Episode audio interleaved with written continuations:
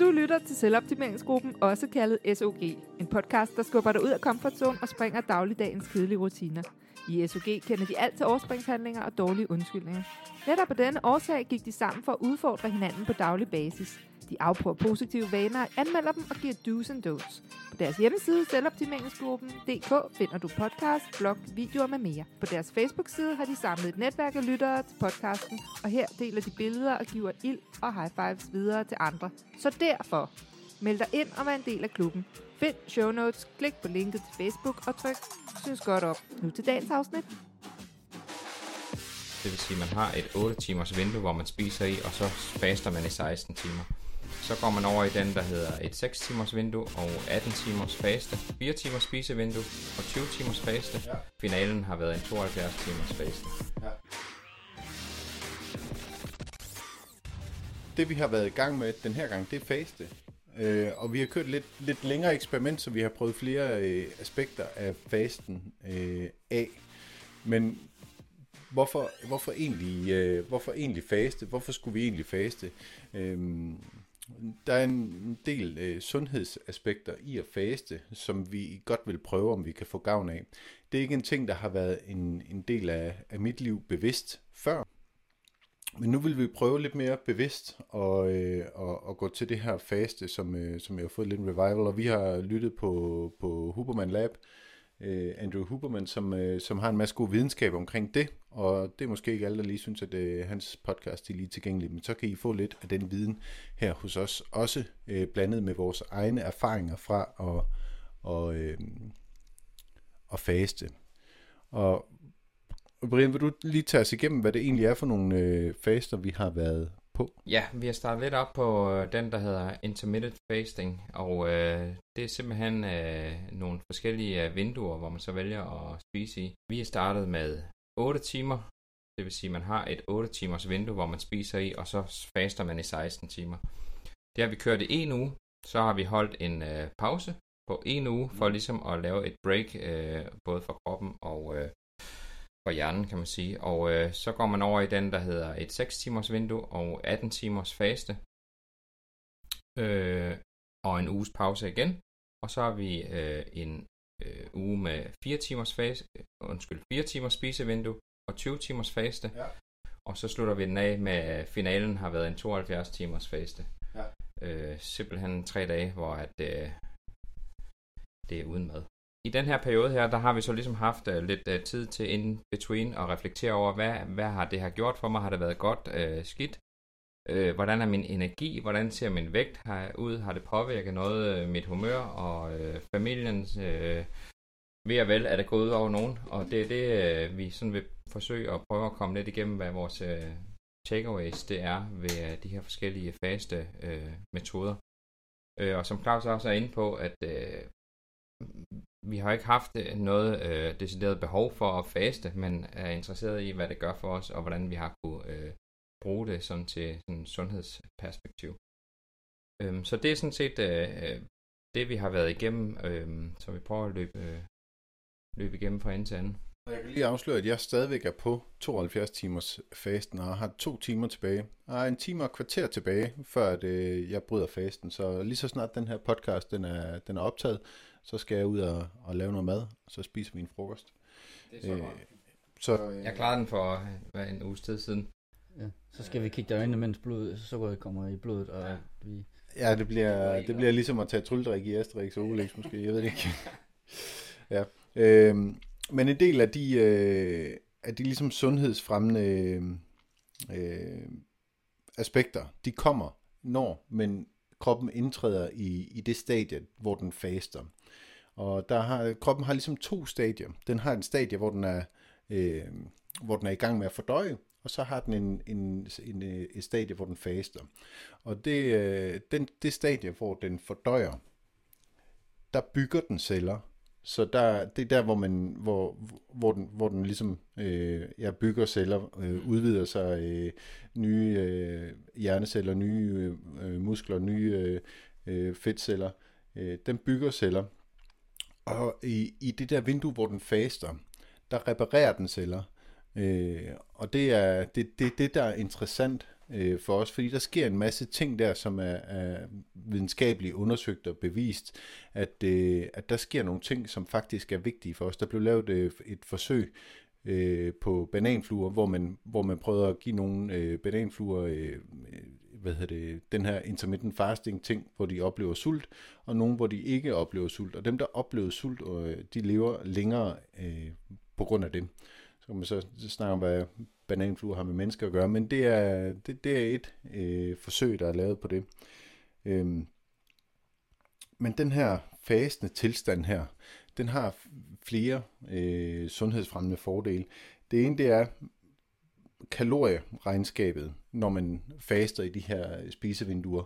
Uden at gå og tælle kalorierne, så når man faster, så har man et kortere spisevindue, end man har, når man ikke øh, har det her, måske faste det forkerte ord at bruge, men øh, øh, tidsbegrænset øh, øh, spisning. Mm. Altså, kan man godt kalde det. vi, har, vi, har et, vi begrænser os til at spise inden for, for et særligt øh, vindue, men når man gør det, så får man automatisk færre kalorier, øh, hvis man vel og mærket holder sådan en normal adfærd inden for det der spisevindue, vil vi komme ind på senere, kan, kan være lidt svært med noget overspisning og noget, når man synes, man har travlt med at få, få energi i det der spisevindue.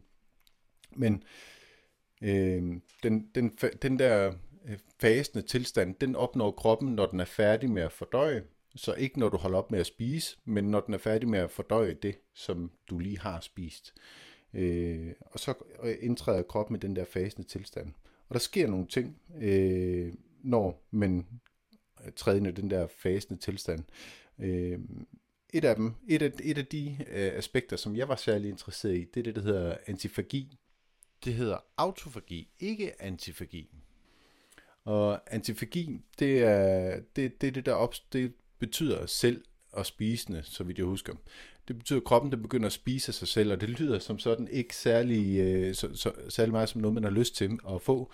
Men kroppen den er god på den måde, at den begynder ikke at spise alle de sunde øh, celler med det samme. Den starter med at tage de dårlige celler, så den rydder ligesom op i, i de dårlige øh, i de dårlige celler, der flyder rundt i, i blodbanen. Øh, sådan noget som frie øh, radikaler, øh, andre øh, ting, som man gerne vil af med. Så det kan være sådan inflammationshæmmende, øh, blandt andet. Ja, det er også, der bliver kaldt uh, zombieceller. Ja. Man går ind og angriber, ikke? Jo, så det, det kunne jeg godt tænke mig at, at få en del øh, mere erfaring ud af, eller, eller få nogle... Øh, få noget udbytte ud af øh, det, med, det med antifagi. Øh, selvfølgelig er det også rart med noget vægttab. Øh, en anden ting, som jeg godt kunne tænke mig, det er det, der hedder, øh, hvad hedder det, ox- oxidativt stress, og få reduceret det. Øh, og det betyder blandt andet, at øh, sådan noget som høj kolesterol i blodbanerne, øh, Øh, det fungerer sådan, at, at når man har, har oxidativt stress, så har man mange af de her frie radikaler i blodbanerne, og det går ind og sætter sig, og, og, og det går ind og det har en mekanisme, så din øh, hvad hedder det, høje kolesterol, det er mere teknisk nogle, nogle proteiner, der bærer de her øh, kolesterolceller øh, rundt i blodbanen. De sætter sig i, øh, i karvævet i øh, blodårene, og det ophober sig til, til øh, blodpropper. Øh, det kan det i hvert fald.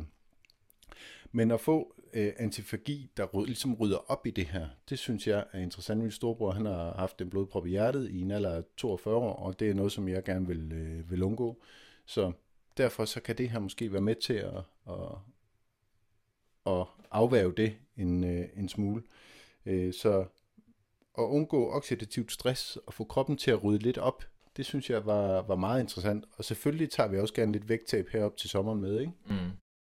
Og for at præcisere det der antioxidativ stress, så var det øh, forskellen mellem, at man havde øh, antioxidanter og frie radikaler. Og den balance, der findes der. Hvis der er balance, så er det fint. Men hvis der er ubalance, for lidt øh, antioxidanter og for mange frie radikaler, så er det, at du har øh, antioxidativt stress in mm. between. Mm. Og det er der, at man, det er vigtigt at få sørge for, at det er i balance. Øh, det var bare lige for at lige få ja, den ja, wrapped op, ikke? Øhm, der er en del andre øh, fordele. Du snakkede noget om... Øh, Ja, vi har, vi har både snakket om behovsudsættelse, vi har også snakket om, øh, øh, der, er et, der er et indre ur, der ligesom bliver styret af lys, det bliver også styret af kost. Øh, så er der også, øh, der er også et, øh, et regnskab omkring, hvornår man spiser i forhold til, til hvad man spiser. Øh, Øh, hvornår man spiser har vist sig at være utrolig vigtigt i forhold til, hvad man spiser. Der er lavet nogle forsøg, hvor man har Øh, man har givet nogle, øh, nogle mus, jeg ved faktisk ikke, om det også er lavet på mennesker, men jeg ved, det er lavet på mus, hvor man har givet nogle mus et... Øh, øh, man har selvfølgelig den her kontrolgruppe, hvor de får lov at spise øh, x antal kalorier øh, i løbet af, når de har lyst til i løbet af et helt døgn. Og så har man nogle mus, hvor man, hvor man giver dem et tidsvindue, de kan spise indenfor.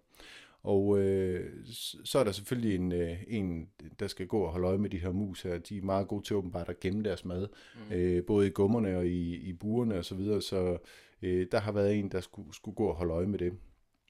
Og, øh, og historien omkring, hvorfor det er sådan en 8 timers vindue, man har lavet forsøg på, det er vist fordi ham her, øh, den studerende, der skulle gå og holde øje med de her mus her, han fik kun lov af sin kæreste at være væk i, i 8 timer. Øh, for, så skulle han altså komme hjem. Han måtte ikke øh, blive der længere tid. Man kan, man kan måske øh, forestille sig, at det tager længere tid at, at gå og holde øje med så mange mus, som der er med i det her forsøg. Men derfor så blev, så blev det til et spisevindue på, på 8 timer. Øh, og man siger, at det er en meget god rettesnor øh, at have, men det er ikke sådan et, øh, det, det er en kan, det er ikke en skal i forhold til, hvor mange timer man bør øh, spise i øh, og faste i. Så, så det er et meget godt udgangspunkt. Men øh, hvornår man spiser, de her mus, de, øh, de fik det samme antal kalorier i løbet af et døgn, og, øh, og den gruppe, der, øh, der ikke havde en tidsrestriktion på, hvornår de må spise, de blev overvægtige, og de udviklede sygdomme, det som vi måske vil kalde livsstilssygdomme i, i, i, i menneskesprog. Øh, og øh, de mus, der havde en et tidsperiode at, fa- øh, at spise i, de gjorde ikke. De var sunde øh, og, og blev ikke overvægtige, på trods af, at de spiste det samme. Så derfor så, hvornår man spiser, utrolig vigtigt. Lige så vigtigt som måske, hvad man spiser. Øh, og det er jo også en af de ting, som man får, øh, man får hvis man laver det her tidsbegrænsede øh, spisning. Og det, det synes jeg var utrolig interessant, at det, at det simpelthen kan være med til at, og gøre, at man holder sig sund. Øh, at man bare tænker over, hvornår man spiser, fordi at kroppen den opnår den her fasende tilstand i løbet af et døgn. Du lytter til Selvoptimeringsgruppen, også kaldet SOG. En podcast, der skubber dig ud af komfortzonen og springer dagligdagens kedelige rutiner. I SOG kender de alt til overspringshandlinger og dårlige undskyldninger. Netop af denne årsag gik de sammen for at udfordre hinanden på daglig basis.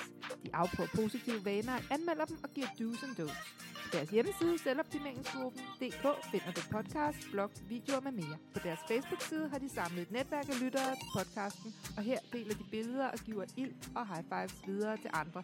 Så derfor, meld dig ind og vær en del af klubben. Find show notes, klik på linket til Facebook og tryk synes godt om. Nu til dagens afsnit. Nu forestiller sig, at der er mange, der måske spiser sent ud på aftenen, øh, og der er mange, der spiser tidligt ud på morgenen. Og det, at man tager en kaffe med mælk i, det bryder en faste. Et gram sukker er nok til at bryde en, øh, en faste, siger øh, Huberman i den, i, i, i den her podcast. Øhm, og øh, altså, mælk i kaffen bryder fasten. Så derfor, når man faster, øh, kalder man at faste på vand, det, øh, der, der indtager man kun øh, vand. Øh, så kan man indtage te, øh, sort kaffe, øh, man kan tage nogle, noget salttilskud. Det er også, øh, det er også ok. Øh, særligt hvis det er over en længere periode, men, men faster, så kan det være, så kan det være vigtigt. Det, man kan sammenligne det med, det der med, om man spiser over hele dagen med musene der, hvor de spiser på en hel dag, og så nogen, der spiser på et vindue. Det med, at kroppen skal stresses en lille smule gang, men ligesom når man træner en muskel, så skal den stresses og nedbrydes, for så at bygge sig op igen. Og øhm, og man kan sammenligne de to ting med, at kroppen skal, skal arbejde, have lov til at arbejde lidt øh, hvis man sådan skulle gøre det simpelt i forhold til alle de enzymer, der er inde i kroppen, med hvad, der, hvad det er, der sker. Så dem, som spiser hele tiden og jævnt, der er der en eller anden kurve, der går sådan her meget jævnt. Og så dem, som spiser, de får ligesom arbejdet, motioneret kroppen, motioneret mavesækken, op og ned. Sulten midt, sulten midt, i stedet for bare sådan hele tiden jævn midt. Mm. Om der er sådan en eller anden sammenligning med det, at det ligesom kroppen skal bruges. Ja, kroppen skal arbejde. det er der ingen tvivl om. Altså, jeg ved ikke lige, om man kan overføre det en til en, men altså det der med, at, øh, som vi også snakkede lidt om, den her insulinsensitivitet, som du styrker ved at faste, fordi at du bliver, du bliver bedre til at kontrollere insulinen i forhold til det behov, der er efterspurgt af kroppen. Øhm, så man, øh, hvis det kører konstant, og man også kan mærke det der, som vi snakkede om, man er hangry, og ikke det, det man kalder det, ikke? Altså, at lige pludselig så hen mod aftensmaden, hvis du ikke får din aftensmad, så åh, kan du mærke, så, øh, så begynder du at få et behov for øh, kulhydrater, sådan, der skal snart komme noget mad. Og den, øh, det er en af de takeaways, i hvert fald, jeg har taget med igennem den her fasteperiode. Jeg er blevet meget øh, øh, mere opmærksom på, at jeg har ikke den samme sultfølelse frem mod en aftensmad, fordi at jeg tror, at mit øh, insulinniveau er blevet bedre til at stabilisere sig igennem det, fordi den tænker, det kan godt være, det er det her måltid, jeg ikke lige får, hvor at øh, min sådan, øh, sådan følelsesmæssige påvirkninger ikke er lige så store, så jeg kan, sådan bare, jeg kan sagtens sådan sige, nu kører vi bare igennem, nu er det, det er uden aftensmad i dag, for eksempel. Hvis der er et eller andet, der er ligesom sådan, okay, det, det er ikke lige i dag, det er lige, øh, der er et eller andet, der kommer i vejen, ikke? Altså, og der tror jeg, at der har man en, en lettere, øh, eller en større i hvert fald kontrol over, selvkontrol over at kunne køre igennem det, uden at blive hangry. Men kan du fortælle lidt mere om det der insulinregulering? Jamen altså, lige så snart, at øh, din, øh, din krop har et øh, behov øh, for mad, så, øh, så falder, altså insulinniveauet er lavt. Og det kan jo så blive, øh, det følger typisk også det samme som øh, blodsukkerniveauet. Så lav blodsukker er også typisk øh, ensbetydende med lav insulinniveau. Og øh, insulinen øh, er det stof, det hormon i kroppen, der gør, at, at, øh, at kroppen tager det, den skal bruge, for at, ligesom at regulere og, øh, og sætte, øh, sætte gang i hele øh, processen i kroppen. Øhm, så det er jo derfor, at øh, diabetikere blandt andet tager insulin selv, hvis de ikke selv kan regulere det niveau. Vores kroppe øh, regulerer det selv ved at skyde det hormon ud, vi har brug for, når vi putter noget mad ned. Øhm, og øh, derved så stiger blodsukkeret op, og så føler vi et større, øh, hvad skal man sige, velbefindende, fordi at vi får det sukker og øh, øh, den øgede blodsukker, som vi egentlig har brug for i kroppen. Øhm, og hvis man specielt har den her øh, type 2 diabetes, så har du en reduktion af dit insulinsensitivitet. Det vil sige, de kan have gavn, de kan have gavn af at... De vil have en kæmpe gavn af at faste, hvis du, er, hvis du har uh, type 2 diabetes. Fordi at selvfølgelig skal du være ekstra opmærksom på det, hvis du har en, uh, hvis du er diabetiker.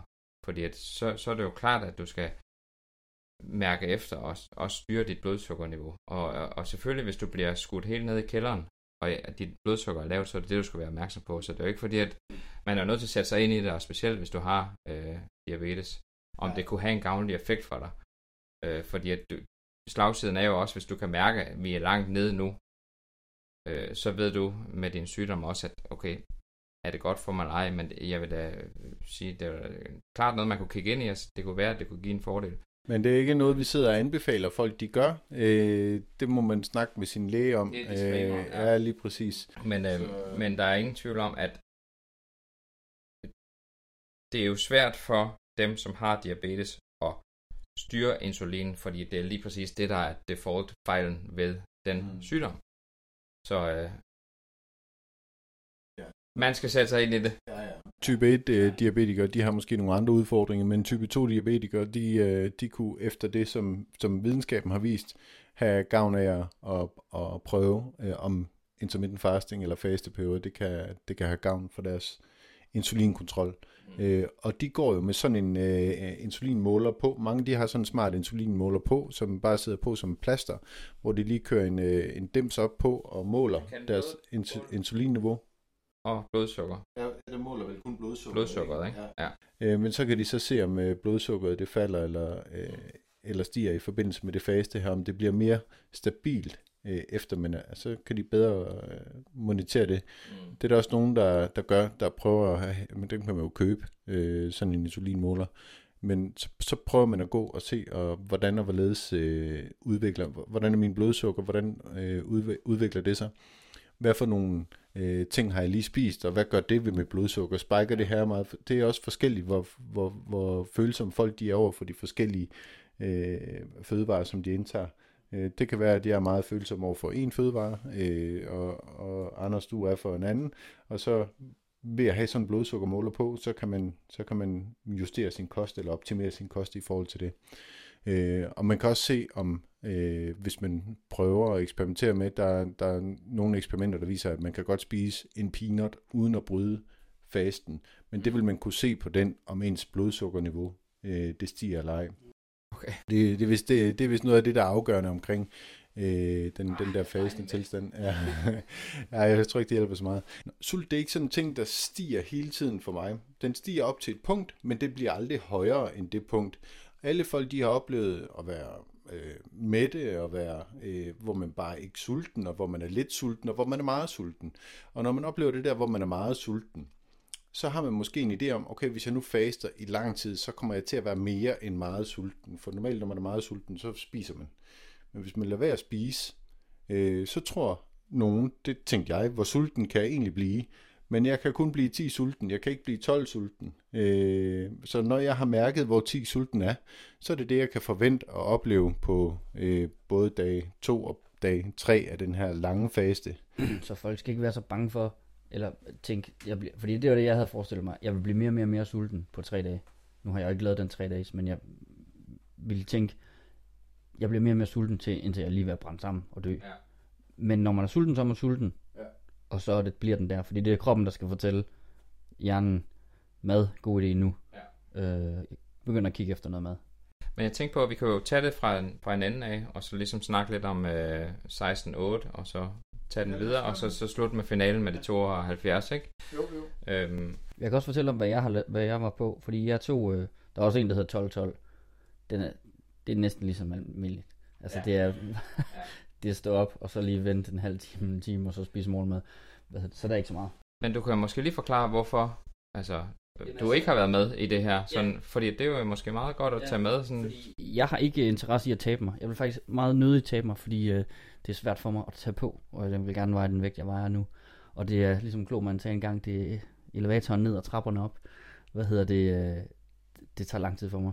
Ja. Så jeg vil helst meget nødigt tabe mig. Så, så min indgangsvinkel var, at jeg vil gerne faste, fordi jeg vil gerne have alle de sundhedsmæssige ting i at faste. Men jeg vil helst ikke tabe mig. Øh, så jeg bliver nødt til at finde ud af, hvor, hvornår er det punkt. Og hvis jeg stopper med at spise i tre dage, så er jeg helt sikker på, at jeg taber mig. Men kan jeg godt få de sundhedsmæssige ting ved at faste kortere tid, og så måske gøre det over en længere periode. Altså for eksempel 8 eller, så- 8 eller 6 timers vindue om dagen. Ja. Øhm, og det er jo igen tilbage til, det er ikke øh, one size fits all med det her øh, intermittent fasting. Det, er, det handler også om, hvad, hvad er ens formål med, med det, og hvordan passer det ind i ens, øh, ens liv. Øh, hvis man for eksempel gerne vil øh, styrketræne meget, og, og man gerne vil have store muskler, så kan det godt være, at øh, det her kalorieunderskud, som man jo egentlig ender med at være i, at det ikke er øh, fordrende for, for ens mål. Så skal man så skal man, hvis man stadigvæk gerne vil have de her fordele, der er ved for eksempel antifagi, eller, eller øh, få kontrolleret sin insulin, at kroppen bedre kontrollerer insulin, så skal man måske overveje at, at gøre vinduet mindre.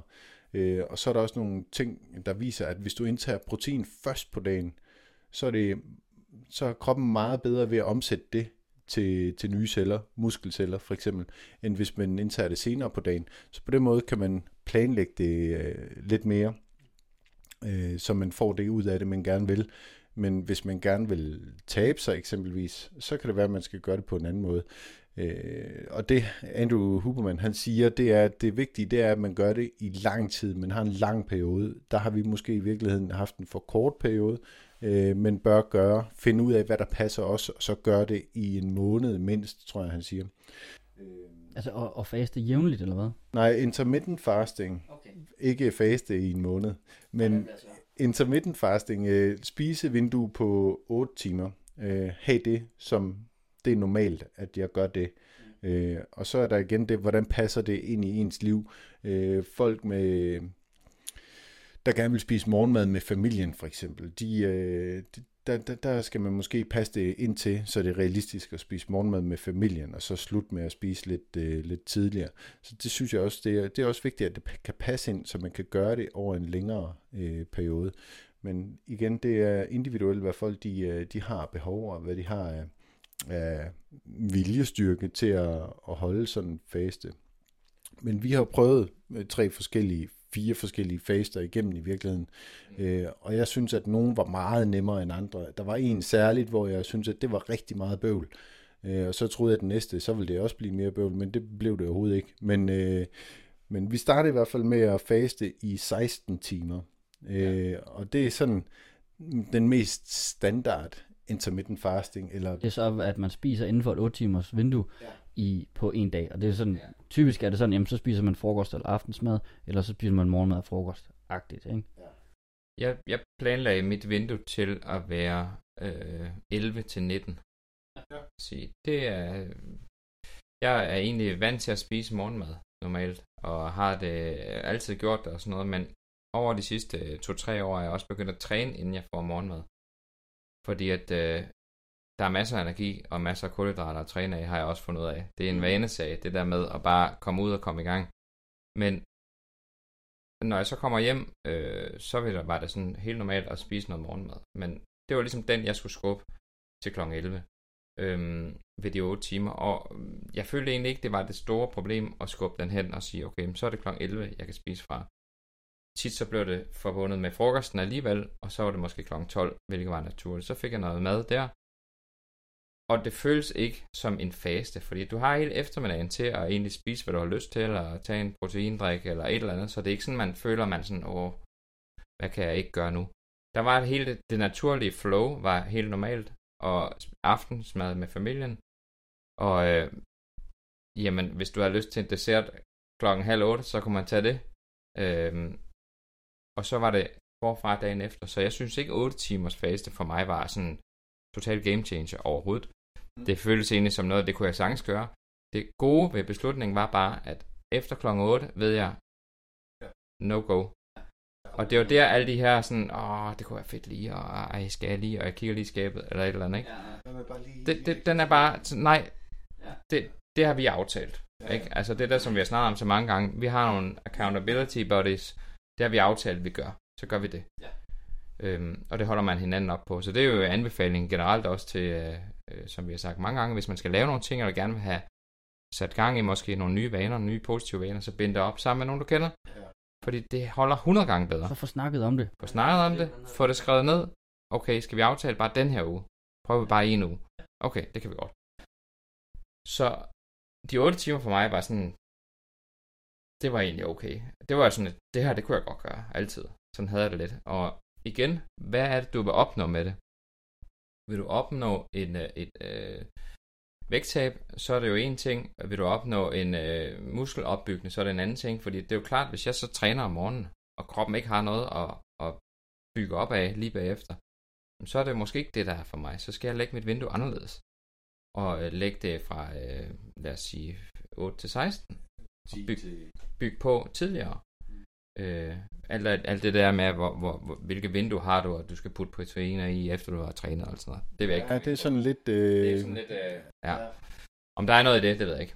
Anyway, det, er i hvert fald, det var i hvert fald min, min erfaring med den ene uge med 8-16, øh, det var, at det her, det synes jeg sagtens, jeg kunne føre en livsstil med.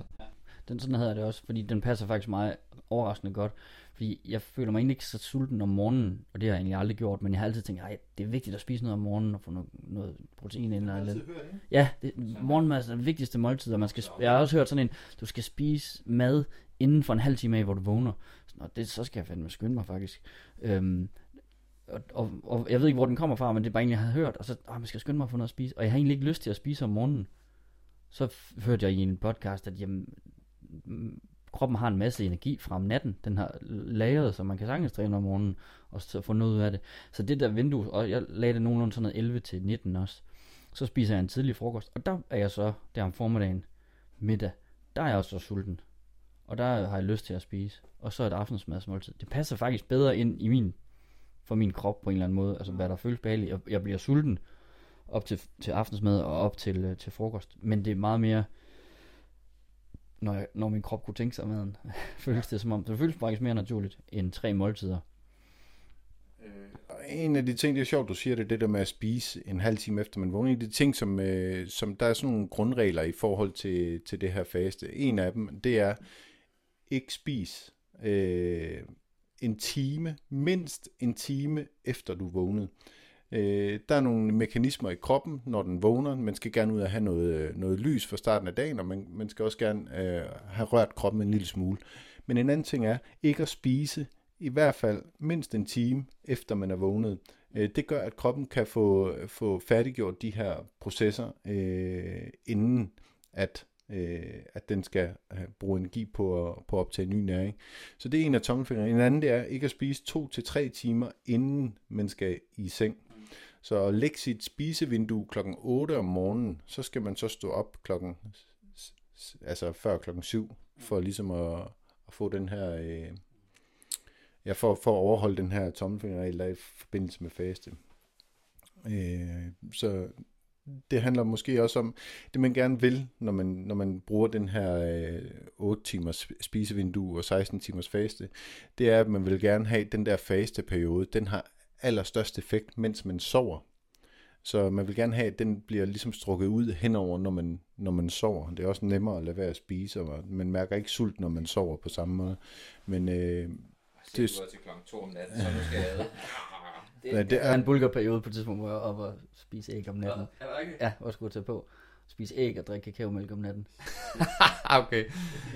Ja, og Så kan jeg prøve at spørge Matthew Walker, om han synes, det er godt, du vækker dig selv om natten. Men jeg vågnede tit om natten alligevel, og så drak jeg mange øh, proteinshakes og weight gainers. Og så næste gang jeg var til tandlægen, det første han siger sådan, har du, har du ændret kost? Ja, det har jeg. Nå, okay. det skal du nok lade være med. Eller det var ikke, det var, han var ikke sådan, at det var... Men virker det? Ja, ja, ja, jeg tog ja. på. Ja. Selvfølgelig, du har selvfølgelig øh, haft et længere spisevindue, så du kunne nå at indtage flere kalorier i løbet af døgnet. Det er det, det man siger, det er øh, i forhold til vægttab, så er det det her kalorieindtag, det her kalorieregnskab, det er det eneste, der ligesom styrer, om man tager på eller man ikke tager på. Så antal kalorier ind mod antal kalorier ud, det er det, det der afgør, om man ja. taber sig eller ej. Øh, hvad kalorierne består af, er sådan set ligegyldigt øh, for kalorieregnskabets skyld, men man kan så sige, der er så en masse, lad os sige, man, man kun spiser flødeis for, i, i sit spisevindue, så får kroppen, går den glip af en masse andre nærings, ja. øh, så det gælder om at få noget god næring i de kalorier, man så spiser, øh, hvis det giver mening. Men øh, ja, skal vi prøve at hoppe over til... Uh... Jeg vil lige fortælle uh, min ja. erfaring med, uh, med at faste der 16-8. Ja. Jeg, jeg oplevede ikke den, uh, den... Altså, jeg synes ikke, det var særlig svært. Jeg har en sult om morgenen, men den kunne jeg nemt komme over. Uh, en af de ting, jeg synes, der hjalp meget, det var, hvis jeg distraherede mig selv. Hvis jeg kom i gang fra starten så ikke øh, man stopper op og mærker sult. Nu snakker jeg i telefon med jer her, da jeg startede på det her 72 timers faste her, hvor, øh, hvor hvad laver du? Jamen jeg sidder og faster. Så hvis man, så, så, så er det freaking hårdt, hvis man bare sidder ned og, og tænker over, nu fase, jeg må ikke spise, jeg må ikke spise, så er det, så er det altså hårdt, så får man hurtigt ondt af sig selv, så, så gør man det svært. Ja, hold sig i gang og lave nogle ting, ikke? Ja. Øh, få, få, få lavet noget motion og få, få lavet nogle ting. Og jeg vil sige en ting, jeg også oplevede ved, øh, og det er måske mere det, vi kommer hen til på, på de andre faster, men øh, produktiviteten, den synes jeg faktisk er steget, efter vi har øh, kommet i gang med det her, fordi man skal ikke stoppe op for, for at spise. Mm. Øh, så hvis du går i gang med noget inden morgenmaden, så skal du ikke stoppe op for at spise morgenmad. På samme måde med øh, selv den der øh, 24, hvor du, hvor du hverken spiser morgenmad eller frokost, så, så oplever jeg, øh, at øh, hen over frokostperioden, så fortsætter jeg bare med det, jeg er i gang med. Mm. Stopper ikke op, går ind og spiser, og, som hurtigt kan koste en time i, i ens produktivitet, og før man kommer i gang igen. Ikke? Så øh, højere produktivitet helt sikkert. Men, øh, men 16.8 synes jeg også var, var ret til at gå til, og jeg tror også, at det er en af de ting, jeg vil falde tilbage på, som, som ligesom standarden i, øh, ja. i, i mit liv. Øh, ja, selvom jeg altså godt kan lide at spise morgenmad. Men det er nok meget simpelt og godt værktøj, for det skal nemlig være simpelt, hvis man skal kunne bruge det i hverdagen, hvis alle, altså alle mulige mennesker, som ikke går så meget op i det, som vi gør måske. Mm. Vi skulle sige, jeg spiser inden for et 8 timers vindue, tjek, så, så rammer kalorieindtaget måske nemmere for en hverdag. Ja, og det, og det er jo det med, at man får, at man har kortere spisevindue, så automatisk indtager man færre kalorier, og så rammer man det der kalorieunderskud, uden egentlig at tælle kalorierne, som, øh, som der måske er nogen, der vil have, have, have svært ved. Og som, som, som jeg er inde på så mange gange, så er det jo sådan en default indstilling. Det falder man tilbage på, hvis man, nu har der lige været en periode eller et eller andet, og, og har man lyst til morgenmad den dag, og man lavet friskbagte boller, så spiser man bare det. Men det der med, at man falder tilbage på, at okay, nu, nu øh, ligesom vi har vores 100-100, ikke? Jamen, det er vores baseline. Vi laver 100-100 øvelser hver dag, fordi så har man bare sin baseline. Og det samme med det her, jamen så falder man tilbage på den her 8-16, fordi det er sådan, jeg plejer at køre det. Og så kan man gøre alt det in between, man har lyst til. Og jo mere man tror, man er mod sin baseline, jo mere kan du flexe her og der, hvis du synes, at du har en, som du også sagde, øh, i forhold til konfirmation, så har man et eller andet, man lige skal, man har et arrangement eller et eller andet. Men det er ikke noget problem. Det gør du bare. Altså, øh, der, han er også meget inde på i podcast, det der med, der er sociale aktiviteter, som man ikke vil, du vil ikke være weird og sige, nej, det, det, nej, jeg er faster, og sådan, okay, men du kan bare spise. Sidder til sin datters konfirmation og ikke spiser noget mad og sidder. Jamen, det er jo det, og det, altså, selvfølgelig kan andre jo være ligeglade med, hvad man gør, men der er stadigvæk nogle ting, hvor man sådan, jeg har egentlig lyst til at deltage socialt også. Mm. Og der oplevede jeg det der 8 timers vindue, at så skubbede jeg bare øh, mit første måltid, hvis jeg vidste, at jeg skulle noget om aftenen, vi skulle ud og spise eller et eller andet, mm. så skubbede jeg mit første måltid til eksempelvis klokken 13, så havde jeg fra, fra, fra 13 til, til 21 i stedet for, eller skubbe det til 14, så har jeg til 22 i stedet for, mm. hvis jeg ved, at jeg kommer ud i socialt selskab og skal sidde måske og drikke en, øh, et glas vin til lidt senere øh, end, end, end 20, så skubbede jeg det bare en lille smule. Mm. Så på den måde kan man godt holde det stadigvæk, øh, men, men helt klart så er jeg enig i, at det gælder selvfølgelig om at tilpasse det ens liv. Den optimale, i den optimale verden, øh, det er bare vigtigt at vide, hvad, hvad er det optimale, og så flekse ud fra det. Og det er jo det her øh, for nogle 8 timers vindue, for andre øh, 12 eller 10 eller 6 eller 4, eller hvad man gerne vil. Øh, men for mig, der bliver det også, øh, det, det var klart den, som jeg synes, der var, der var mest at hente i, det var den her 8 timers. Ja. Øh, men hvis vi så springer videre til, til 18.6, hvor øh, vi må spise i 6 timer, og så faster vi i 18 timer. Og for mit vedkommende, der, øh, der kom den til at hedde øh, 13.19. Så jeg spiste første måltid kl. 13 og sidste måltid kl. 19. Og jeg lige med det samme, så var det bøvl øh, i forhold til, hvornår er der frokost. Man vil gerne spise frokost sammen med andre mennesker, og hvis der er frokost klokken 11.30 eksempelvis, så kan jeg sidde der og, og sutte i et glas vand, eller en, en kop kaffe, eller en kop te, mens alle andre spiser, og så lidt senere, så skal jeg til at finde en madpakke frem og spise, mens egentlig, at, øh, at, at, at hverdagen er rullet videre. Det synes jeg virkede, øh, det virkede dumt for mig, og jeg vidste, at jeg kunne ikke, hvis jeg så spiste 11.30, og så tænkte okay, så flytter jeg det vindue i dag, så kommer man ind i noget bøvl med, med aftensmaden med familien, ja. som er vigtig for mig. Øh, så derfor så, så passede det rigtig dårligt, sådan rent logistisk. Så kan man sige, så skal du springe over frokosten, men så bliver spisevinduet meget mindre lige pludselig. Så jeg synes faktisk, at den var, den var meget sværere end, ja. end, end den 8 ja, timer. Meget mere bøvlet at få til at passe sammen. Ja. Ja, altså jeg havde det samme med, at jamen, frokost og aftensmad passer ikke helt. Enten så er den for tidligt, eller så er den for sent. Ja. Altså, den, den passer ikke særlig godt. I forhold til, hvor nem 8 timers er, så 6 timer sådan... Den koster lidt på den sociale front. Ja, og, og så sidder man jo der og stiger på de andre og drikker vand, mens alle spiser, og så bruger der noget af det sociale, ikke? Hvor så, nu kommer vi til 24, hvor det så, jamen, så er der jo det måltid, som er god tid til det måltid. Men jeg oplevede også ved, ved, ved 18.6, at øh, jeg følte, jeg havde en, en følelse af, at jeg havde travlt. Ja. Øh, så derfor så kom jeg til at spise, jeg tror, jeg spiste flere kalorier i, øh, i, i de 6 timers vindue, end jeg gjorde i hele det der 8 timers vindue. Fordi der, i 8 timers der var jeg mere afslappet omkring det her. Der følte jeg lidt, at jeg havde travlt med at nå at spise en masse, inden vinduet det, øh, det lukkede. Øhm, så det var ikke godt til mig på nogen måde. Altså jeg tror, jeg var, måske øh, var sådan forholdsvis heldig i den uge, hvor vi kørte det. Fordi at jeg, jeg følte egentlig, at jeg havde et rimelig øh, godt spise, spisevindue fra 12 til 18. Mm. Spise min frokost, spise min aftensmad. Øhm, vi spiser forholdsvis tidligt derhjemme ja. øh, med familien, ikke? Altså, jeg, vi er typisk færdige med maden sådan 17.30. Ja. Færdig med aftensmaden? Ja, jeg laver det der det kan vi Nå, men jeg laver den. selvfølgelig. Ja, altså forberede det måske fra klokken 5 af, og selvfølgelig kan det godt gå over, men jeg var måske lidt her ekstra tidligt på aftrækkeren der, øh, for at øh, vi kunne spise tidligt. Så det var sådan lidt, jeg følte ikke rigtig, at jeg tog noget fra nogen der. Så det, jeg synes egentlig, 6 timer sådan var okay, og kunne godt, øh, kunne godt passe, hvis det var, at jeg havde et større behov for vægttab. Og lige give de to timer mere. Øhm, og det, øh, det, det, det fungerede egentlig okay, for jeg var lidt overrasket over, at du var sådan, Nå, det, det, det er noget lort, det her. Det kører ikke godt. øh, hvor jeg var sådan, Nå, men jeg, jeg, jeg, jeg kan egentlig godt fungere med det, fordi igen, om jeg presser den lige der fra 11 frem til 12, det er en no-brainer. Der er masser af god energi om formiddagen, og der er masser af drive til at lave alle mulige ting, så jeg kunne nogle gange måske også godt lide, hvis, der var, hvis jeg er i gang i et eller andet projekt, lige hoppe hen til kl. 13 i stedet for, og nappe en time mere om aftenen. Mm. Så, så for mig, der var det sådan, jeg, den kunne jeg også egentlig godt holde fast i. Jeg var noget mere presset over den sidste.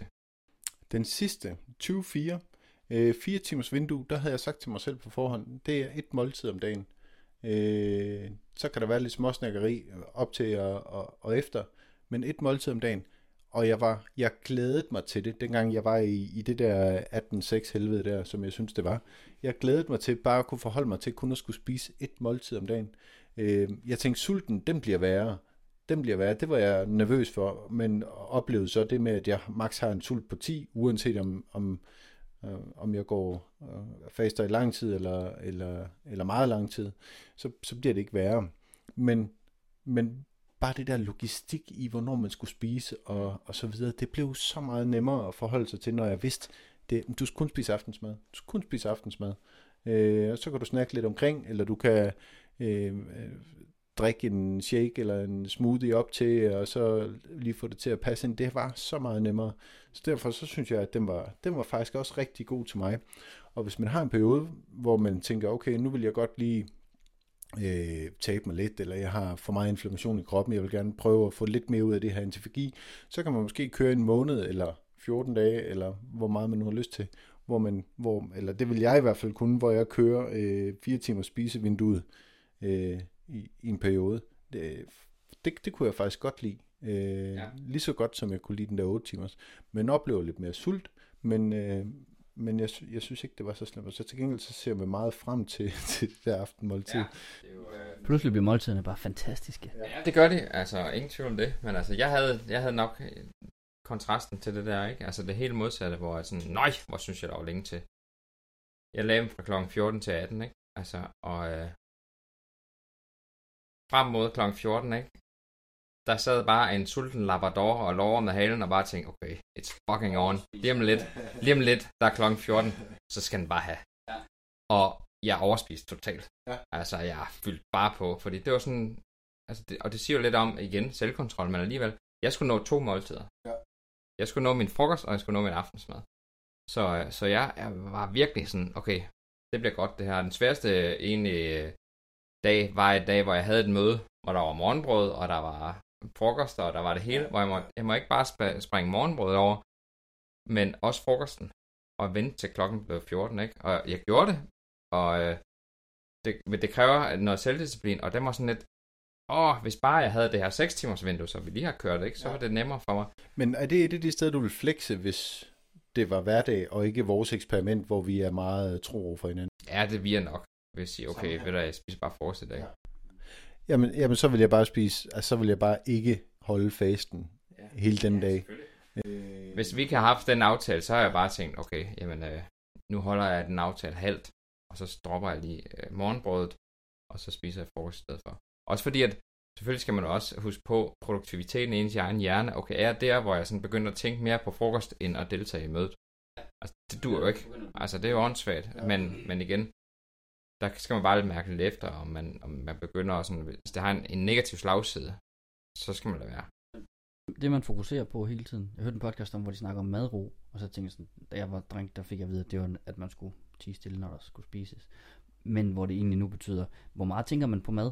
Hvor meget, hvor meget tager det ens øh, fokus? Altså, at nu skal jeg spise, eller nu skal jeg ikke spise, og man spiser, og man tænker for meget på, at man ikke skal spise eller hvad man ikke skal spise. Og hvis, hvis hele ens øh, bevidsthed og fokus er på det, så får man ikke lavet sit arbejde. Man får ikke altså, brugt sit hoved ordentligt, som du siger. Altså, man tænker på alt muligt andet. Og det er jo ikke det, er jo ikke det der er meningen. Nej, for det skal jo ikke være, altså det skal jo være noget, som er positivt for en, og noget, man er glad for at, hvad skal man sige, praktisere. Så det ikke bliver sådan et fokus. For mig, der bliver det sådan lidt, åh, jeg er sulten nu, ikke? Altså ikke, at, det er jo igen, alt afhængig af, hvornår du lægger dit vindue, bliver du jo presset, lad os kalde det, op til, fordi at nu har du den her sådan, åh, timeline, og nu er der kun to timer tilbage, nu er der kun en time tilbage. Og så begynder det at tage for meget fokus. Det skal være noget, hvor du nærmest ikke tænker over det, men når er det sådan, jeg gør. Sådan er, sådan er det med, nu har vi studeret også vaner rigtig meget. Det er jo en, en vanesag. Jeg har været i mange år vant til at spise morgenmad, derfor så har det været svært for mig at, at hoppe morgenmaden over. Det viste sig så, at det var ikke så svært alligevel, men det er jo mere den vane med, at du står op, sætter kaffe over og spiser morgenmad, eller sætter op, øh, står op, sætter kaffe over, løber en tur, ordner de der små ting, og så spiser morgenmad.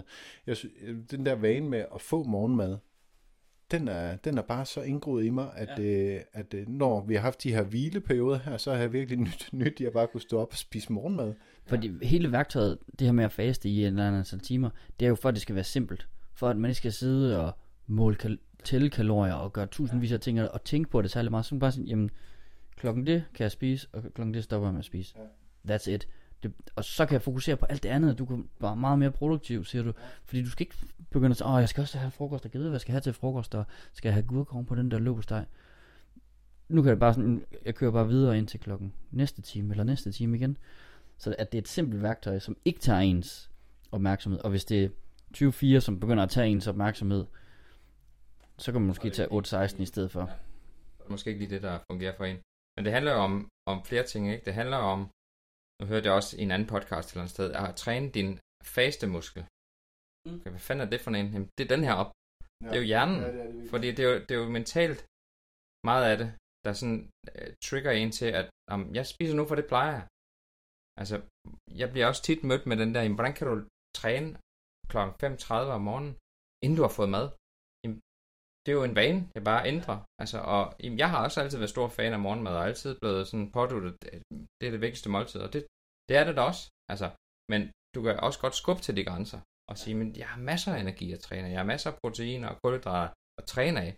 Og det er ligesom meget det at lære, og lære, at man har det, og lære, at man godt kan løbe en tur 35, og lære, at man godt kan lade være med at spise det her måltid, uden at det er hårdt, eller man bliver presset, eller det er svært. Og så træner du også samtidig med din faste muskel, fordi at øh, nu, øh, nu kommer vi stille og roligt ind på det, den sidste her, den her 3-dages øh, faste, 72 timer. Når du har gennemført den, så en dags faste bliver lige pludselig no-brainer. Easy peasy. Det er bare nemt, og det er jo den, du skubber til hele tiden, ligesom vi skubber til distancer med løb eller træningspas, det ene eller andet, ikke? Altså, jo mere du skubber til grænsen, så er der andre ting, der bliver nemmere, og derved har du også trænet din faste muskel. Og faste musklen er i virkeligheden også oversat til selvdisciplin og viljestyrke. Ja. Øh, og ja. man, man kan sige, hvis man kan, hvis man kan træne det, så kan man også øh, bruge det i andre aspekter i, ja, i livet. Hvis man, det er tilbage til det der med behovsudsættelse. Nu glider vi stille og roligt over den der 72 timers øh, faste uge. Eller faste, ikke faste uge, tre dages fasten. Øh, og det var, øh, det var, jeg har øh, lov til at spise igen om en halv time, så det glæder jeg mig meget til. Men, øh, men det jeg forventede, dengang jeg gik ind i det, det var, at jeg ville blive voldsomt sulten. Altså, at sulten ville overmande mig. Men det, det skete ikke, som vi har været inde på tidligere. Så bliver jeg 10 sulten, og det går væk igen. Særligt hvis man distraherer sig, eller fylder maven med, med vand, øh, så, så synes jeg, det har været fint. Men det er nogle dage siden, du har holdt din. Ja, jeg tror, det er en 10 dage siden. Øhm, og det var sådan lidt, øh, det er altid godt lige at tænke lidt fremad, hvordan kan man lige planlægge det, fungerer det godt for mig lige nu, og hvor jeg tænkte sådan, det, det passer egentlig meget fint, at jeg skrev til dig. Jeg tror, jeg skulle jeg starter ja, her til aften, og så er det fra, fra nu af, ikke? Og man, man bider jo den første bid ved at sådan, ligesom sige sidste måltid her kl. 18 søndag aften, øhm, og så fra nu af, så faster jeg, ikke? Og det første, det er jo, som vi også snakkede om tidligere, der har du, der, der kroppen den har jo lige fået et kæmpe måltid, så den er ikke rigtig gået i gang med faste endnu. Den er stadigvæk i gang med at fordøje. Men det at starte øh, tiden, ligesom det var den, jeg kunne øh, måle efter. Så der startede jeg øh, søndag aften kl. 18, og så var min sådan mentale mindset op, jamen det er onsdag kl. 18. Mm. Der stopper jeg. Så snøren er bare allerede kastet langt ud. Ja. Så det, er- det er der, det er. Øhm, jeg havde fokus på øh, saltbalancen, Mm. øh, vand, masser af vand. En lille, jeg puttede sådan en, en tredjedel teskefuld salt i et glas vand om morgenen. Mm. Tog den sammen med en magnesium øh, pille, fordi det er også noget, der gør, at du holder din, øh, din balance i magnesium og sørger for at ikke at blive fuldstændig rundt forvirret. Øhm, så den tog jeg om morgenen også, øh, var opmærksom på at få elektrolytter. Jeg havde ikke flere, som var ude at købe nogen, men alle sammen var støvsuget op i hele øh, øh, København faktisk, fordi at øh, der var Copenhagen Marathon, og det var mega meget sol den dag der. Så der var, det var totalt udsolgt, så det fik jeg faktisk ikke noget af. Øh, men, øh, men man kunne også godt mærke, at jeg havde det faktisk også okay. Så hele mandagen gik faktisk fint. Øh, selvfølgelig kommer sulten. Øh, og jeg havde nøjagtigt den samme oplevelse som Claus. Mm. Jeg blev sulten øh, til et vist niveau, og så er det ikke sådan, det bare, okay, det fortsætter bare med at blive værre og værre. Jeg blev sulten, og jeg sørgede bare for at holde mig i gang. Øh, jeg løb en tur, og øh, sørgede for, at øh, jeg sådan mærker efter, og havde også den her øh, oplevelse af, eller hvad skal man sige, indstilling til det, at hvis jeg får det dårligt, så stopper jeg. Ja. Samme. Det er fuldstændig no-brainer. Jeg er overhovedet ikke for stolt til at sige, nej, det er sgu ikke lige nu. Det, det fungerer ikke. Det var også en del af eksperimentet, det var at prøve, er det overhovedet noget for mig, det her? Ja, præcis. Ja. Og øh, mandagen gik fint. Tirsdagen øh, gik fint. Den, øh, den længste dag, det var onsdag. Det var lige inden målet. Altså, den der... Der havde du også en, en hel dag, du havde helt frem til klokken 18 den sidste dag, hvor du gik og var sulten, ikke? Ja. Ja.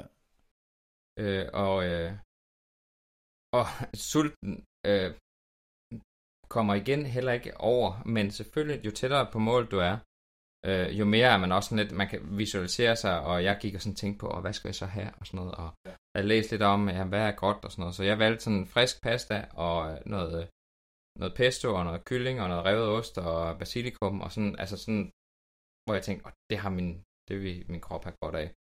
Og den der glæde ved at sætte tænderne i mad igen efter tre dage, den er sådan ret, øh, den er ret vild. Ja. Øh, og man bliver sådan helt sådan høj af det, og, og jeg, åh, jeg nød det bare så meget, ikke? Altså, ja. Men var også sådan lidt, var også mega stolt over, at den proces, der er gået. Jeg tænkte, tænkte jeg har faktisk tre dage, hvor jeg ikke har spist noget overhovedet. Jeg har kun drukket øh, vand, øh, taget noget salt og noget kaffe, øh, og nogle kopper te. Mm. Det var sådan det. Men teen og kaffen er sindssygt givende, fordi det har smag. Øh, jeg ved også, der er nogen, der er eksperimenteret med det der med en, en bouillon øh, terning ned i et, et glas kogende vand, og sådan. Men igen, det her indeholder jo også et eller andet, så... Øh, Det må man så måle på sin krop, hvis man, øh, hvis man har lyst Ja, hvis man er helt... Jeg var sådan lidt, okay, nu, nu kører vi den bare øh, helt plain, ikke? Um, men øh, var, øh, var, var positivt overrasket over. Og jeg havde faktisk sådan en tanke, kan jeg huske på onsdagen der. Jeg kunne godt tage en dag mere.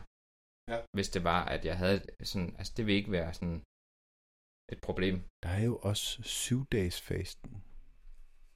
Den er lidt længere. Ja. Ouch. Jeg, jeg, siger, jeg nævner det bare. Ja. Det er måske til, til en fremtidig eksperiment. Øh, Hvordan er din oplevelse i forhold til, øh, hvordan har det udviklet sig? Jeg startede sidste, øh, jeg havde sidste kalorieindtag øh, på, på, lad os kalde det dag 1, øh, omkring middag. Så klok, jeg tror, det var 11.30, men jeg har sagt kl. 12, det er nemmere lige at regne med. Øh, og, og første dag går jo relativt nemt. Vi har prøvet det intermittent fasting, hvor vi, hvor vi har prøvet at være sulten og så videre. Så det, det gik ok nemt. Øh, jeg var ude og, på, på tur med, med min store datter og en af hendes veninder, og de skulle på McDonald's på, øh, på vejen hjem herfra og have noget mad. Så at sidde der i bilen og, og køre bilen, mens man dufter til det der McDonald's, det er måske ikke det mest hensigtsmæssige, når man, når man er sulten, men det var ret tidligt i forløbet, så, så det, det kunne jeg godt lige øh, håndtere. Øh, så, så første dag gik egentlig fint. Øh, dag to, den synes jeg, den var lidt, øh, den var lidt sværere. Og, øh, og jeg, jeg kunne, kunne mærke, at jeg var lidt tungere i kroppen, og jeg blev lidt hurtigere svimmel, når jeg rejste mig fra en stol end, end, end ellers. Øhm, men, men det var bare at tage det lidt mere med ro, så gik det faktisk fint. Øh, og så, så havde jeg også en, hvor jeg, hvor jeg følte mig virkelig mat i sværene øh, så tog jeg et, øh, et glas med elektrolytter, øh, kom lidt citron øh, og lidt øh, øh, salt i vandet. Nej, det, det var ikke elektrolytter, det havde jeg taget om morgenen, men jeg, jeg tog et glas med vand med øh, lidt citronsaft og, øh, og lidt salt, som jeg blandede andet smagte af helvede til. Men, men det hjalp, det hjalp faktisk. Det, det, det gjorde, at det lige laser det. Det, det kan godt være med til øh, at regulere ens øh, insulinniveau en lille smule, hvis man tager, øh, hvis man tager det der øh, citron og, og salt. Så det gjorde, jeg lige kom over den der øh, bump, der er. Øh, det er der måske mange, der kan prøve også, hvis, øh, hvis de føler lækker sult, øh, og gerne ikke vil føle lækker sult. Øh, så tag et glas, med, med, et glas vand med noget salt. Tag, tag, nogle, øh, tag noget salt ind. Det er noget havsalt eller noget køkken, køkkensalt, det er også fint. Eller flagesalt, eller hvad, hvad ved jeg. Men øh, det, det kan hjælpe til lige at fjerne den der lækker sult. Det hjalp mig meget øh, i går. Og øh, i dag indtil videre, der, jeg drømte om mad. Jeg drømte, at jeg spiste en rugbrødsmad i nat. Simpelthen. Og jeg tror, det er fordi, at Leila, hun kom hjem med, det er min, øh, min hustru, hun kom hjem med friskbagt rugbrød i går. Og, og det stod fremme ude på bordet, og, så, og jeg kunne ikke lade være lige at gå hen og snuse. Det duftede simpelthen så lækker. Ikke? Det var også noget selvpineri. Men øh, så jeg drømte simpelthen at spise en robotsmad i nat. Ja. Men, øh, men jeg synes, det har været, det har været, det har været til. Det har ikke været super altså, det har ikke været super nemt, sådan det, det gør jeg bare uden problemer. Jeg har været sulten, og jeg har haft lyst til at spise. Øh, og vi har lige holdt konfirmation herhjemme, så der er masser af både slik og, og lækre rester. Der var friskbagt rugbrød, og øh, man har lyst til at tage et, øh, et lille glas rødvin om aftenen og så videre, men jeg synes, det har været fint og det er jo ikke altid, man faster. Og faste sådan her en gang imellem, det tror jeg er utrolig sundt for kroppen, og for, for at den får sat gang i nogle af de processer, vi talte om først i podcasten. Så det kunne jeg godt, jeg kunne godt finde på at vende tilbage til de her 72 timer, som, eller måske bare en 24 timers faste, som noget, man gør 72 timer, måske en gang i kvartalet, 24 timer, måske en gang om måneden, øh, så man får de her fordele, antifagi og øh, øh, hvad hedder det, øh, blodsukker, balance og øh, kalorieunderskud og alt det der. Man får det øh, fast en gang om måneden, øh, udover så måske at spise øh, i et 8 timers vindue til hverdag. Øh, med så alle de øh, gange, hvor man må flexe ud for det, fordi at man godt vil være et normalt menneske og have et, øh, et normalt socialt liv også, og spise sammen med andre mennesker, når det er, det lige passer ind.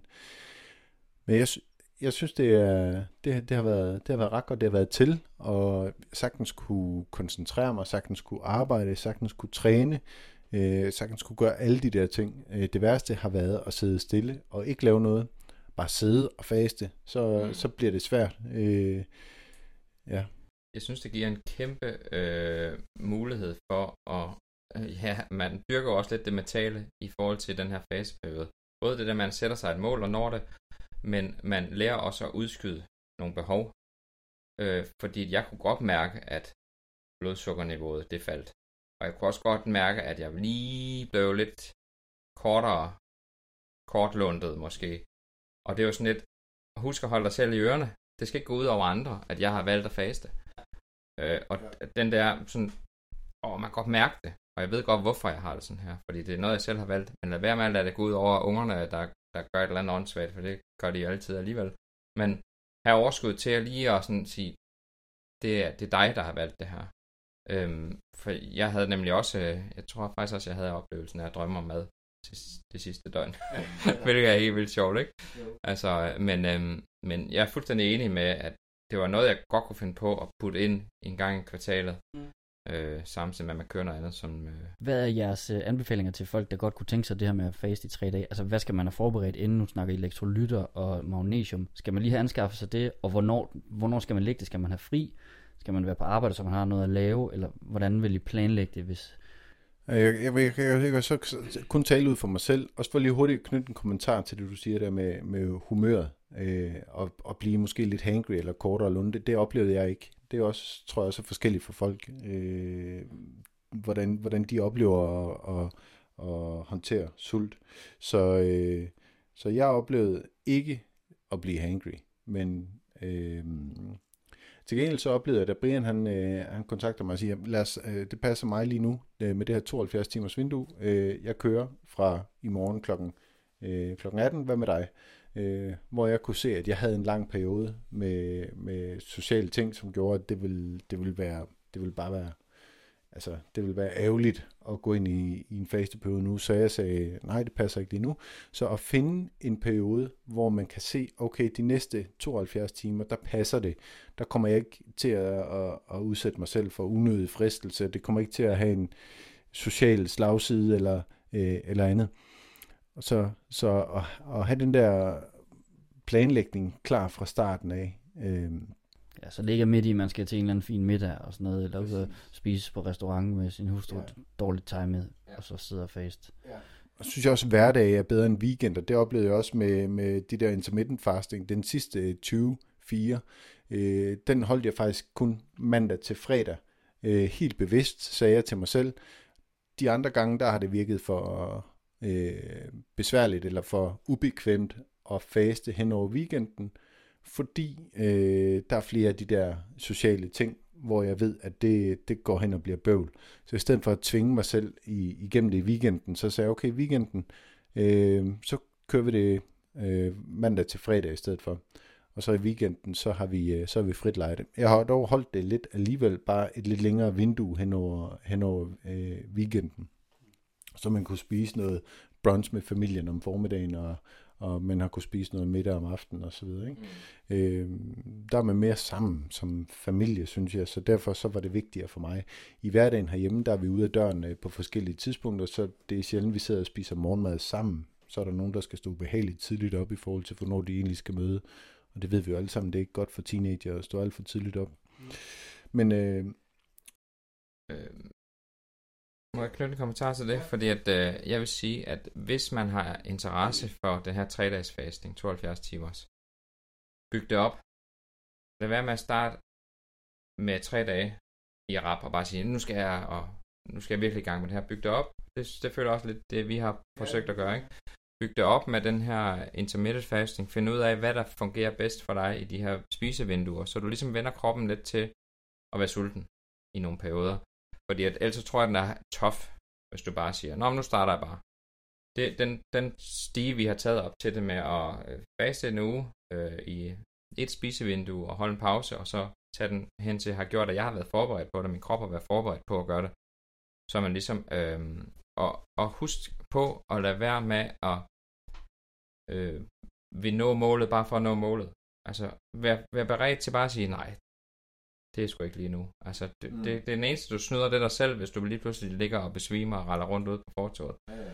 Øh, så, så mærk efter i kroppen. Sørg for at hydrere, sørg for salt, øh, og øh, hele tiden være opmærksom på det. Øh, det kan også godt være, at der er nogen, der sidder og er interesseret i det. Hvad gjorde det for os rent vægtmæssigt? Øh, jeg kunne godt mærke, at, øh, at de her uh, intermittent fasting i forhold til 8 timer, det var ikke det helt store. Altså, jeg lå sådan nogenlunde stabilt på det samme, øh, som jeg har gjort hele tiden. Øhm, jeg føler mig øh, øh, let og frisk, fordi at jeg har ikke lige øh, fyldt godt på lige inden øh, en, et træningspas eller et eller andet. Så jeg havde det egentlig fint, øh, specielt i den sidste øh, tre dages øh, fase her, der, der vejede jeg mig før og efter.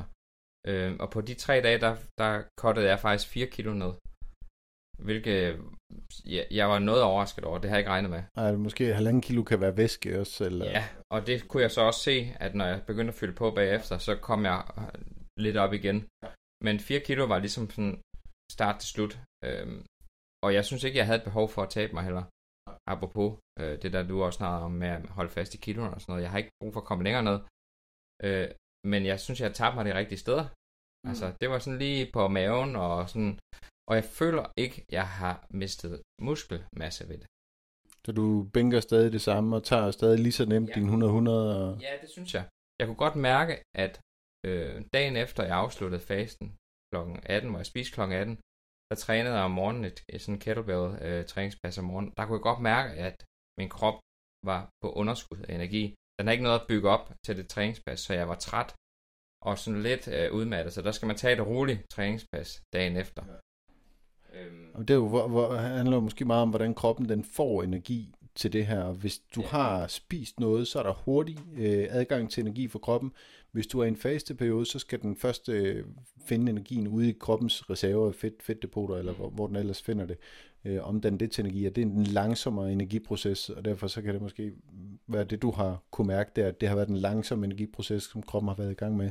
Ja, der er ingen tvivl om, den i hvert fald lige sådan, jeg skulle i hvert fald tænker over fremadrettet, at hvis at jeg planlægger et træningspas dagen efter en 72 timers fase, så skal det måske bare være noget udstrækning, eller noget yoga, et eller andet roligt, hvor der ikke er en tung styrketræning, øh, hvor kroppen ligesom sådan, der kunne jeg godt mærke, at den arbejdede. Men efter det var der ikke nogen konsekvens ved det overhovedet, øh, så, øh, så det er en hurtig måde at kotte på, men det er også noget, man skal have fokus på, at øh, har man et reelt behov for det, eller er det, altså, som vi har dyrket det her, er jo også mere sådan, hvad der sker. Det er jo en træning i selvdisciplin, det her. Ja, det Virkelig. Det er en træning i at kunne udsætte sine behov, og sige, jamen, jeg kan faktisk godt lade være med at spise det her måltid. Eller øh, faktisk mange måltid i en tre dages. Der er en ting, som jeg godt lige vil øh, løfte, så folk de bliver klar over det. Det er noget, som øh, Human han også øh, nævnte i sin podcast øh, Øh, i, hvad, i forhold til mekanismer, der sker i kroppen. Når man faster, når kroppen den er inde i den her fasende tilstand, så prioriterer den øh, energi til øh, livsnødvendige ting, øh, som at, at, at kunne øh, tænke og øh, bruge sin krop fysisk og, og sådan noget. Det er der energien går hen. Så bliver den taget fra nogle andre steder. Derfor så kan nogen øh, opleve et fald i testosteronniveau og i fertilitet. Så hvis man går og prøver at få, øh, få flere børn, så skal man måske ikke faste. Særligt ikke i de her lange perioder. Øh, det er jo vist både hos, øh, hos mænd og kvinder. Så man skal lige være opmærksom på, at det er sundhedsfremmende, men øh, der er jo fordele og ulemper ved det hele. Når man gør noget, så har det en, en, en konsekvens et andet sted. Så tænk på det, hvis man, hvis man går og, og, og leger med det her faste. Hvor er jeg henne i mit liv? Er jeg stadig nu, hvor, øh, hvor jeg har brug for at faste, så gør man det. Er jeg et sted, hvor det ikke er så hensigtsmæssigt, så lad være med det. Øh, og så altid, som, som vi har snakket tidligere, sagt tidligere, hvis man prøver, vil prøve det her, så er eget ansvar. Vi anbefaler ikke noget, eller, eller siger ikke folk, de skal gøre noget, men øh, snak med jeres egen læge, eller øh, godt ting på, på, på jeres eget ansvar. Øh, Ja, det, var, det vil jeg sådan set bare lige indskyde, så, øh, så, så folk får, får den information med. Vi kan lige nævne den der podcast, uh, Huberman, og lægge den i uh, noget link. Ja, Huberman Lab. Det er, det er en rigtig god ressource for, for rigtig mange ting øh, omkring selvoptimering. Det er på engelsk, øh, og, øh, og der er nogle fagtermer og noget værk, men jeg synes faktisk, han er meget god til at, til at forklare det. Øh, men hvis ikke man har lyst til at, at, at lytte til Huberman, så kan man jo øh, lytte til os i stedet for. Præcis. Øh, at bryde fasten, øh, der siger man, at man skal gerne gøre det øh, med noget, kroppen let kan omsætte, og så stille og roligt. Lad være at starte med et stort, tungt måltid med komplekse øh, øh, kulhydrater, i stedet for øh, start med øh, et lille måltid, øh, måske noget frugt eller nogle, nogle bær, eller øh, et eller andet, der er nemt at fordøje. Øh, pasta, som, øh, som Brian sagde, uden, uden jeg ved, om det, er, om det er rigtig godt, så, så, så lyder det som om, at det er noget, kroppen den godt kan få gang i. Øh, ja, jeg har, jeg har tænkt på noget, noget broccoli, æg og tun nu. Det lyder lækkert. Ja. Det tænker jeg også. Er der noget, er der noget, vi, lige, er der noget, vi skal have vendt? Øh... Vi kan jo sige, at øh, hvis der er nogen, der har nogle spørgsmål eller et eller andet, så kan man jo øh, tilføje en kommentar, og hvis der er nogle ting, vi kan prøve at hjælpe med, eller øh, spørgsmål til nogle af de erfaringer, vi har gjort os, øh, så er folk velkommen til at kommentere og øh, stille os nogle spørgsmål. Så vil vi prøve at besvare det så godt som muligt. Så uanset hvor du ser det her, øh, den her podcast, så husk lige at, at synes godt om, eller skriv i kommentaren, øh, hvis du har nogle spørgsmål, eller, eller abonner. Øh, det vil hjælpe. Øh, det vil hjælpe os. Og så vil vi få lyst til at lave endnu flere podcasts. Ja. Er næste podcast, er det vinterbadning? Det kunne det jo godt være. Uh, nu uh, har vi noget erfaring, og vi har været lidt omkring med det, så vi kunne uh, vi har, Prøv at snakke lidt om det. vi har en, en gammel optagelse fra, fra hvor vi vinterbadet, øh, som man kan finde inde på, øh, på vores, jeg tror den ligger inde på vores YouTube øh, side. Den kan man jo lytte. Det kan være, at vi skal i gang igen, men det er et dårlig sæson lige nu til at vente. Ærligt. Men det er jo nu, man skal starte, hvis Ja. man gerne vil i gang med vinterbad. Perfekte tidspunkt at starte om sommeren, og så holde den kørende om efteråret. Så vi er ikke sådan, øh, vi hjælper lidt folk med over i øh, den fede proces, når det bliver rigtig koldt. Der findes en dansk øh, forsker, Susanne hedder hun Søberg, Ja. som, øh, som har lavet noget forskning omkring det, og hun siger, at den der kuldeeksponering der, det behøver ikke at være 3 grader varmt vand eller koldt vand. Det kan godt være 17 grader, øh, så, øh, så man kan godt få noget ud af kulde, kuldeeksponering, selvom at, øh, at det ikke er vinter. Og som dem, der dykker i omkring Danmark, de siger, danske, det danske hav, det er altid koldt. altså, det er en dag om året, hvor det ikke er koldt, stort set. Det er altid koldt at komme. Jo, og så begynder man også stille og roligt nu at have bedre og bedre evidens for, hvad det giver af positive øh, virkninger. Det kolde, øh, kolde og varme påvirkning. Det, det gemmer vi til den næste podcast. Men det er ligesom med faste, at det er for- forholdsvis ny viden, at det er sundt. Hvad hedder det? Kom vi, kom vi frem til det med antifagi og zombiecellerne? Hvor meget der skal til, før de kommer i gang? Altså, hvor lang tid?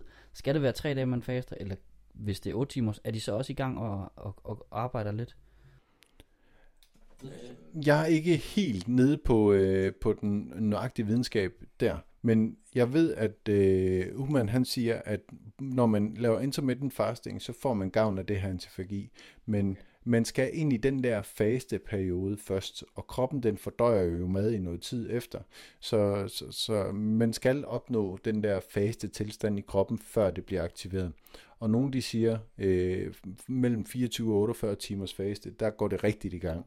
Øh, så det, det er den lidt længere øh, fasteperiode, men, men der er også nogen, der siger, at det faktisk, øh, man opnår det også med intermittent fasting.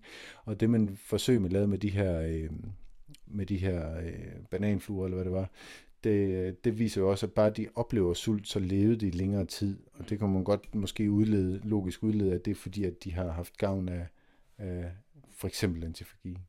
Så, så grundlæggende er det fedt at vide, at det er sundt at være sulten en gang imellem. Ja. Så at det ikke er, åh oh, nej, jeg går sukkerkold, åh oh, nej, nu bliver jeg slappere, åh oh, nej, nu, nu kan jeg ikke tænke, fordi jeg har kulhydrater til hjernen. Alle de her ting, det er, det er sundt at være sulten en gang imellem. Ja. Er det ikke et stort overall takeaway? Det må man sige. Og som du var inde på øh, til at starte med, det der med, at ligesom man også træner sine muskler, hvor du rent faktisk også smadrer dine muskler og dine Mm. muskelfiber, for at de kan bygge sig op og blive endnu stærkere til næste gang i homese. Og, øh, og der, derved det samme med det her, den måde du også træner din øh, faste muskel. Du presser dig selv, du bliver faktisk mm. bedre til at styre dig selv, du bliver bedre til at have selvkontrollen over, jeg kan godt lade være, specielt aftensnacking, som jeg snakker om. Altså, gør det for helvede, hvis du har lyst, men hvis du er opmærksom på det, sådan, okay, kan jeg lige vinde lidt over mig selv her, og så udskyde til dagen efter, eller til weekenden, eller et eller andet, fordi det, det er følelsen af selvkontrol. Det er ja. den, jeg godt kan lide at dyrke ved det her.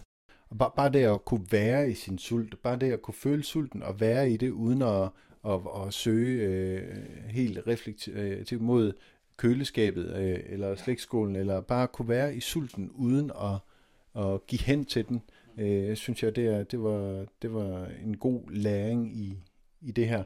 Men en af de måder, man ligesom kan tilpasse det på, øh, det er at gradvist øge eller indsnævre sit spisevindue. Øh, hvis man er vant til at spise morgenmad kl. 8, men så er en uge spise morgenmad kl. 9, Mm. og så næste uge kl. 10, og så kl. 11, og så måske skære aftensnacksene ned til, okay, fra klokken 9 stopper jeg med at spise, øh, så fra klokken 8, så man ligesom gradvist øh, når hen til det øh, spisevindue, den type intermittent fasting, som man egentlig gerne vil have. Øh, det skulle også være bedre for kroppen, så den ikke får sådan en chok, som vi måske har udsat vores kroppe en lille smule for, ved at holde det her, øh, den her uges øh, pause imellem. Øh, vores, det havde måske været bedre for kroppen at, at, at få det kontinuerligt i stedet for. Så, så gradvist jeg vende, vende sig til det. Øh, og så prøv lidt af det her intermittent fasting, inden man kaster sig ud i sådan 72 timers, øh, ja, så, man, så man har lært at være med sin sult. Claus, du nævnte på et tidspunkt, undskyld, hvad hedder det, at hvis man havde lyst til at spise det her, så kunne det være en god idé at spise det her. Der er der jo lavet sådan en lille cheat sheet, hvor der står sådan, hvis du har lyst til chips, så spis nogle nødder, for så er det det, kroppen egentlig har lyst til. Og hvis du har lyst til chokolade, så et eller andet andet, hvor der er sådan de sunde alternativ til, jamen jeg føler, jeg har bare mega meget lyst til at spise øh, et eller andet usundt. Okay. Og, så, og så står der en, jamen hvis det er det her, du har lyst til, så prøv at tage den her, for det er det, din krop rent faktisk har brug for måske. Det er den siger. Shit, det kunne være meget fedt lige at lægge det ind et eller andet sted. Måske lige link til, fordi der er sådan en lille, bare lige en af fire, hvor der står, jamen, hvis du har lyst til chips, så er det, og jeg kan huske, tror det er nødder eller sådan noget med salt på, ikke? Og hvis du har lyst til chokolade, så, jeg kan ikke huske, drikke glas æblejuice, eller jeg kan ikke huske den, men altså, den er, den er meget fed, som sådan, ah, men jeg har simpelthen sådan lyst til et eller andet usundt. Det er jo kroppen, der siger et eller andet, og så kan man lige snuppe den anden ting, og så kan det hjælpe på det, ikke? Et glas saltvand med citron. Men med de ord, så er der jo faktisk øh, klokken er 3 minutter i øh, Claus' øh, 72 timer. Ja, det jeg glæder mig meget til. Nu skal lige ud og lave sådan noget mad først. Stik mig lige en high five. Og så sender vi lige en pump ud til verden. Tak fordi I øh, kan lytte med så langt. Og hvis du har lyttet med så langt, så tænker jeg også, at du kunne finde på lige at abonnere og give et lille øh, synes godt om. Og hvis man kan give en eller anden form for anmeldelse her på, øh, på, på, på den platform, du lytter på eller kigger med på, så gør det gerne lidt. Det vil vi sætte pris på. Bare prøv at faste, så skriv hvordan det var. Eller hvis du har et eller andet godt tip til det næste.